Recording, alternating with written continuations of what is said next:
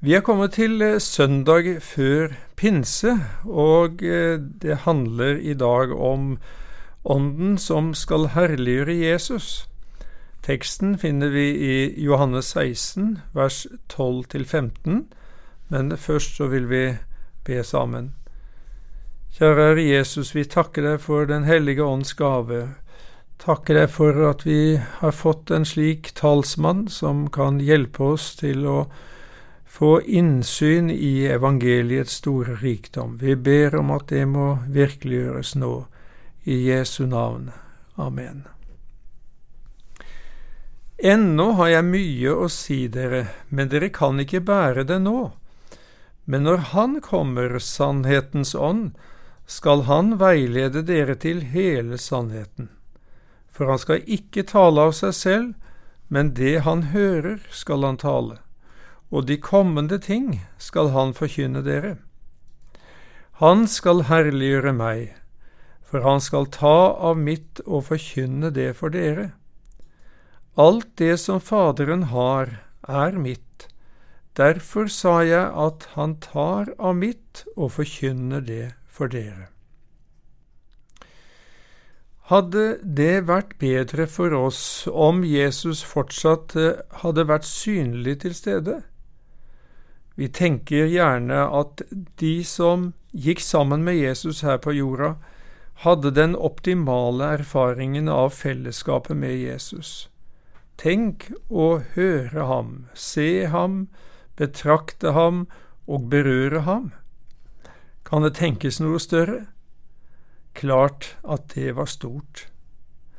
Men Jesus sier, det er til gagn for dere at jeg går bort. For dersom jeg ikke går bort, kommer ikke talsmannen til dere. Men går jeg bort, da skal jeg sende ham til dere. Det greske ordet som er oversatt med talsmann, betyr en som er tilkalt for å hjelpe i en vanskelig sak. Derfor kan det også oversettes med hjelper, advokat, trøster. På Jesu tid var det helt avgjørende å ha en talsmann når du kom opp i store vanskeligheter, som for eksempel en rettssak. Jesus er den første talsmannen. Det viste han på flere måter. Han hjalp disiplene til å bli bedre kjent med Gud som far.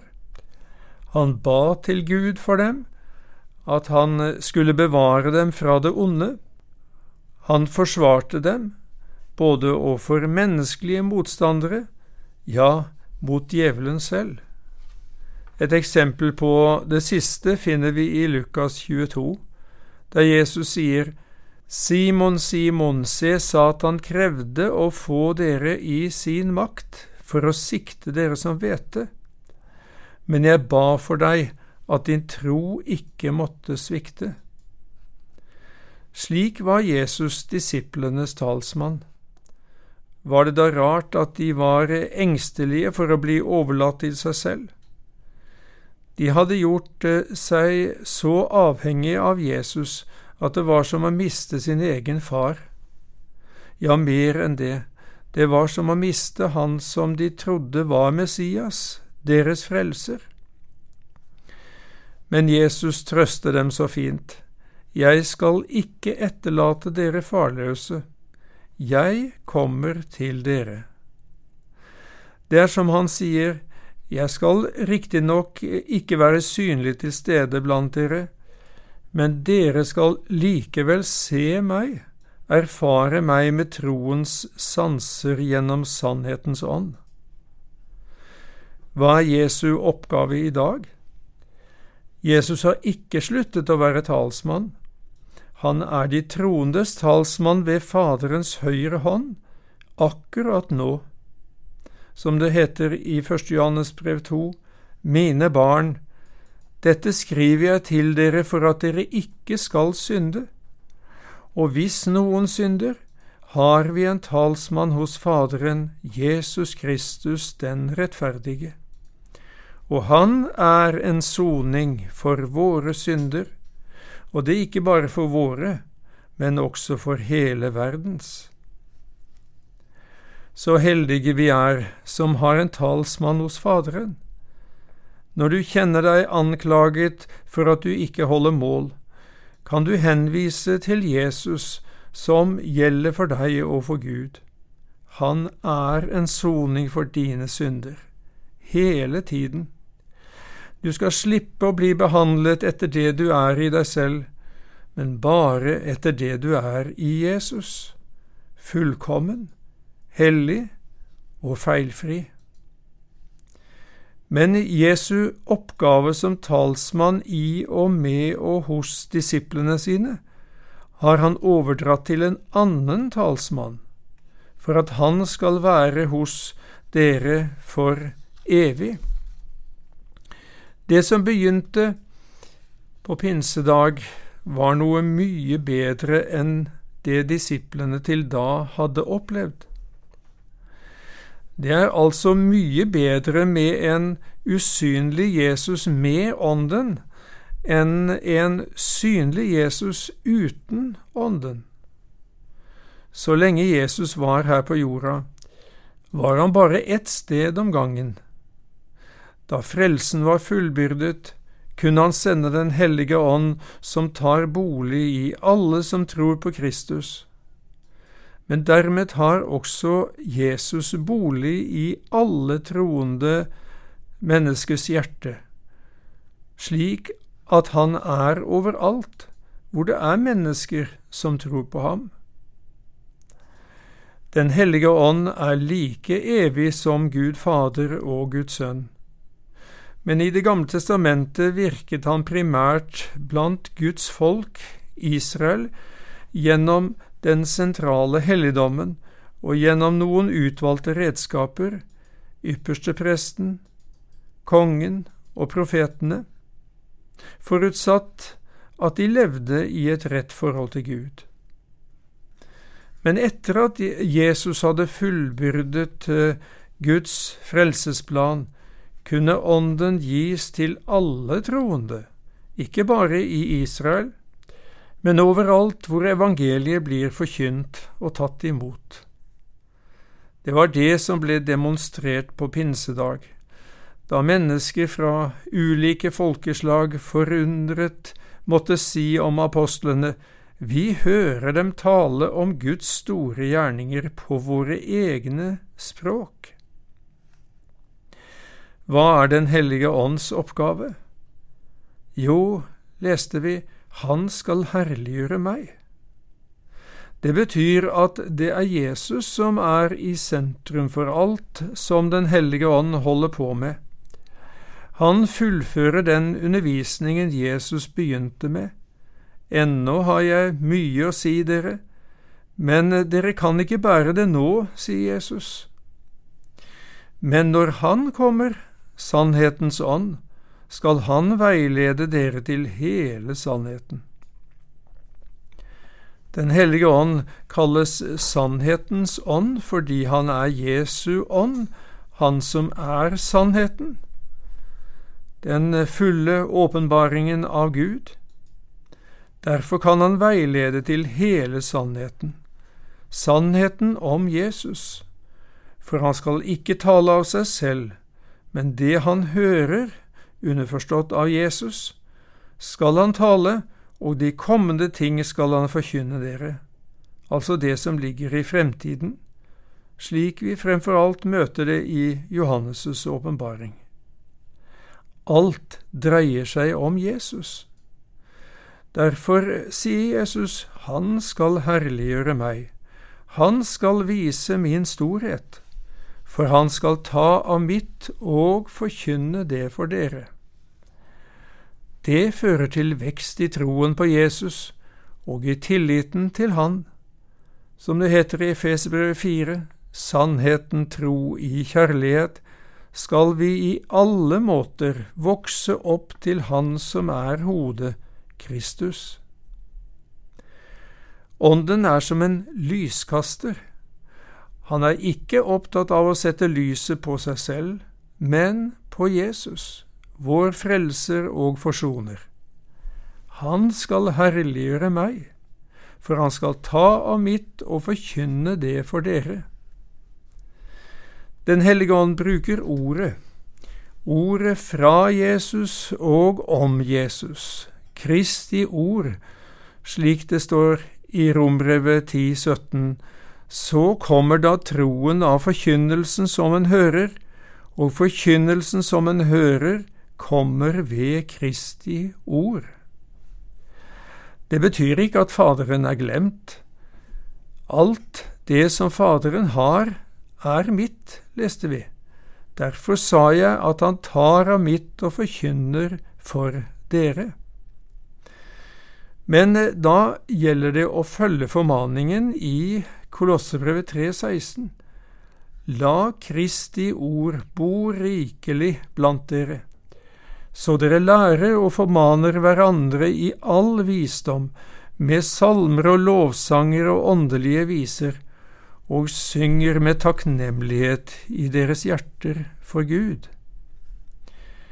Hvis du vil erfare mer av Den hellige ånds gjerning i livet ditt, må du bruke mye tid på Kristi ord, høre mye forkynnelse om Jesus og lese mye i Bibelen om ham. Da blir du stadig mer fokusert på Jesus og opptatt av Han, for Han skal herliggjøre meg. Det virker som det er noen som overser dette, som tror at det blir mer åndelig om vi snakker mer om Den hellige ånd. Selvsagt skal vi omtale Han også, slik som vi gjør i dag. Det er viktig å utvide erkjennelsen av den treenige Gud og Hans gjerning. Men Den hellige ånd er faktisk fornøyd når synderen blir opptatt med Jesus og får glede seg over alt det Han har gjort til frelse. Når vi skal bedømme åndelighet, må vi altså undersøke hvem er det som blir stor her. Er det Jesus? Er det Den hellige ånd, kanskje på bekostning av Jesus? Eller er det en eller annen predikant eller pastor? Det er dessverre nok av avveier, men den rette veien kjennetegnes ved at Jesus og hans forsoningsverk står i sentrum. For det gjelder fortsatt, han skal herliggjøre meg. Det betyr ikke at Den hellige ånd bare kommer med herlighet, glede og gode følelser. Han hjelper oss fremfor alt med å forstå oss selv som syndere og Jesus som vår frelser. Det ser vi av versene rett foran teksten vår, og når Han kommer, skal Han overbevise verden om synd og om rettferdighet og om dom, om synd fordi de ikke tror på meg, om rettferdighet fordi jeg går til Faderen, og dere ser meg ikke lenger, om dom fordi denne verdens fyrste er dømt. Den hellige ånd skal altså for det første overbevise verden om synd. Han skal overbevise.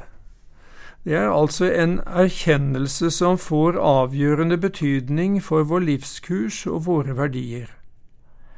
Det er verden, den eh, vantro del av menneskeheten som skal bli overbevist om synd.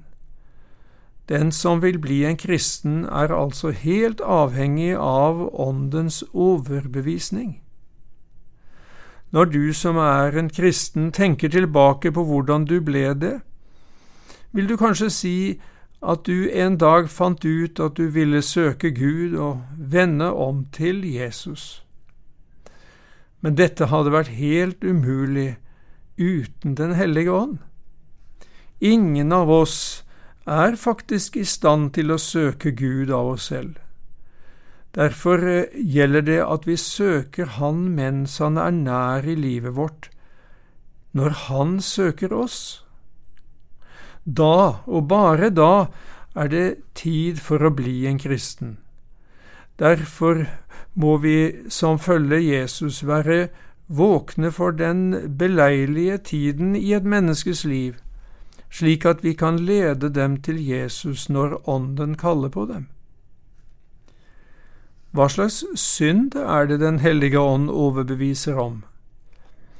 Ja, det kan være ulike synder som blir avslørt i hans lys, men dypest sett er det bare én synd som gjør at et menneske går fortapt, og det er vantro. Vantro, det er å ikke ville tro. Du kan eh, presentere de mest overbevisende argumentene og eh, komme med vitnesbyrd om kristendommens sannhet for et slikt menneske, men det vil bare ikke tro. Inntil Den hellige ånd kommer der. Plutselig blir det helt klart jeg har syndet mot Gud når jeg har avvist Jesus. Gud, se i nåde til meg og frels meg. Men det er ikke bare i omvendelsen Ånden overbeviser oss om synd. Når du får dårlig samvittighet for noe du virkelig har gjort galt, er det Ånden som taler til deg. Han ønsker at du skal bekjenne din synd, og bryte med den. Men Den hellige ånd ønsker ikke å forlate deg i erkjennelsen og bekjennelsen av synd. Han vil mer enn gjerne overbevise deg om et positivt alternativ til synden, nemlig Jesu rettferdighet. Jesus begrunner dette med at jeg går til Faderen, og dere ser meg ikke lenger. Hva har det med Jesu rettferdighet å gjøre? Jo, dersom Jesus får adgang til sin himmelske Far, viser det at det var våre synder som førte han i døden, ikke hans egne. Kristi himmelfart beviser at han selv var uten synd. Men dermed beviser han også at hans rettferdighet hans fullkomne liv er blitt tilgjengelig for oss. Jesus tok våre synder på seg for at vi ved troen på ham skulle bli tilregnet hans rettferdighet. Jesu oppstandelse og himmelfart viser hvor fullstendig feil hans fiender tok av ham.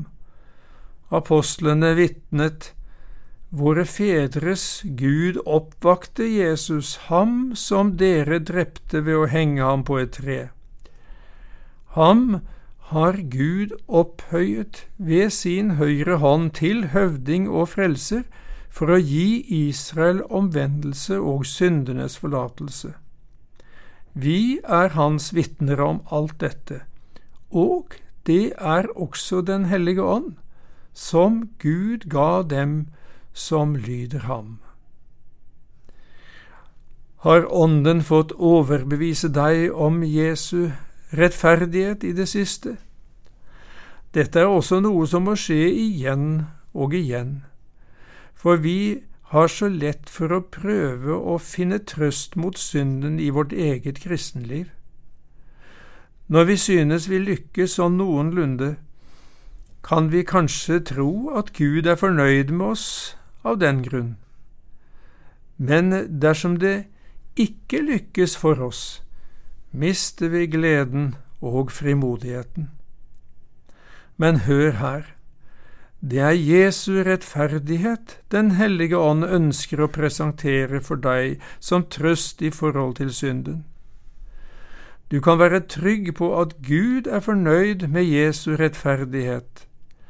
Han har jo vist at han har godkjent Jesu jordiske liv i ditt sted ved å la han få plass ved sin høyre side på den himmelske tronen. Da kan du stole på at hans rettferdighet holder for Gud, nå og på dommens dag. Slik det heter i Rombrevet 10, for Kristus er lovens endemål, altså lovens oppfyllelse, til rettferdighet for hver den som tror. Men hva betyr det at Den hellige ånd skal overbevise om dom? Begrunnelsen er fordi denne verdens fyrste er dømt. Når skjedde det? Da Jesus døde på korset i syndere sted. Det var et eh, ondskapens komplott som førte Jesus inn under Pilatus' dom, ja, også under Guds dom, for det behaget Herren å knuse sin elskede sønn i ditt og mitt sted. Men når synden hadde fått sin dom gjennom vår stedfortreder Jesus, var også djevelen dømt. For i Jesus er det nå opprettet et fristed for syndere, hvor synden og dens følger er borte. Men da har djevelen tapt sin makt over oss. For han kan bare herske over oss så lenge vi lever i våre synder. Derfor heter det i Hebrebrevet 2 for at han ved døden skulle gjøre til intet den som hadde dødens velde, det er djevelen, og utfri alle dem som av frykt for døden var i trelldom hele sin livstid. Nå prøver Den hellige ånd å overbevise deg om at du som har tatt din tilflukt til Jesus, ikke har noe å frykte på den store dagen da Guds evige dom skal avsies over alle mennesker. Jesus har jo allerede tatt dommen din på seg. Du skal gå fri. Fri ifra nøden, dommen og døden. Amen, halleluja. For den som tror på ham, blir ikke dømt. Men samtidig advarer Ånden verden om at vi ikke må være på det tapende laget, for den som ikke tror, er allerede dømt, fordi han ikke har trodd på Guds enbårne Sønns navn. Det gjelder for all del ikke å komme i samme kategori som djevelen på dommens dag selv om han ennå får utfolde sin makt innen visse grenser, vitner Jesu kors om at han har tapt. Det skal demonstreres på dommens dag, da han skal kastes i fortapelsens gru. For han er det ingen vei tilbake. Men for deg og meg er det et vidunderlig fristed tilgjengelig i Jesus Kristus. Det må du benytte deg av. Nå så går du også fri i dommen, for Han skal herliggjøre meg. Har Ånden fått herliggjøre Jesus for deg i dag? Har du fått se litt mer av Jesus' storhet og kjærlighet, slik at takken stiger opp til Han i hjertet ditt? Da vet vi at Den hellige ånd er i virksomhet her og nå. Jeg har heldigvis fått erfare at Den hellige ånd har kommet nær og talt til oss når vi har vært samlet i Jesu navn, mange ganger. Da har jeg av og til tenkt, slik må vi ha det hver gang vi samles om Guds ord. Men det, vi er like hjelpeløse hver gang Derfor er det så viktig å be om at Ånden må komme over oss og gi oss et møte med Jesus og herliggjøre Han. Han har jo lovet å være midt iblant oss når vi samles i Hans navn. Han skal herliggjøre meg, for han skal ta mitt og forkynne det for dere, sier Jesus. Amen.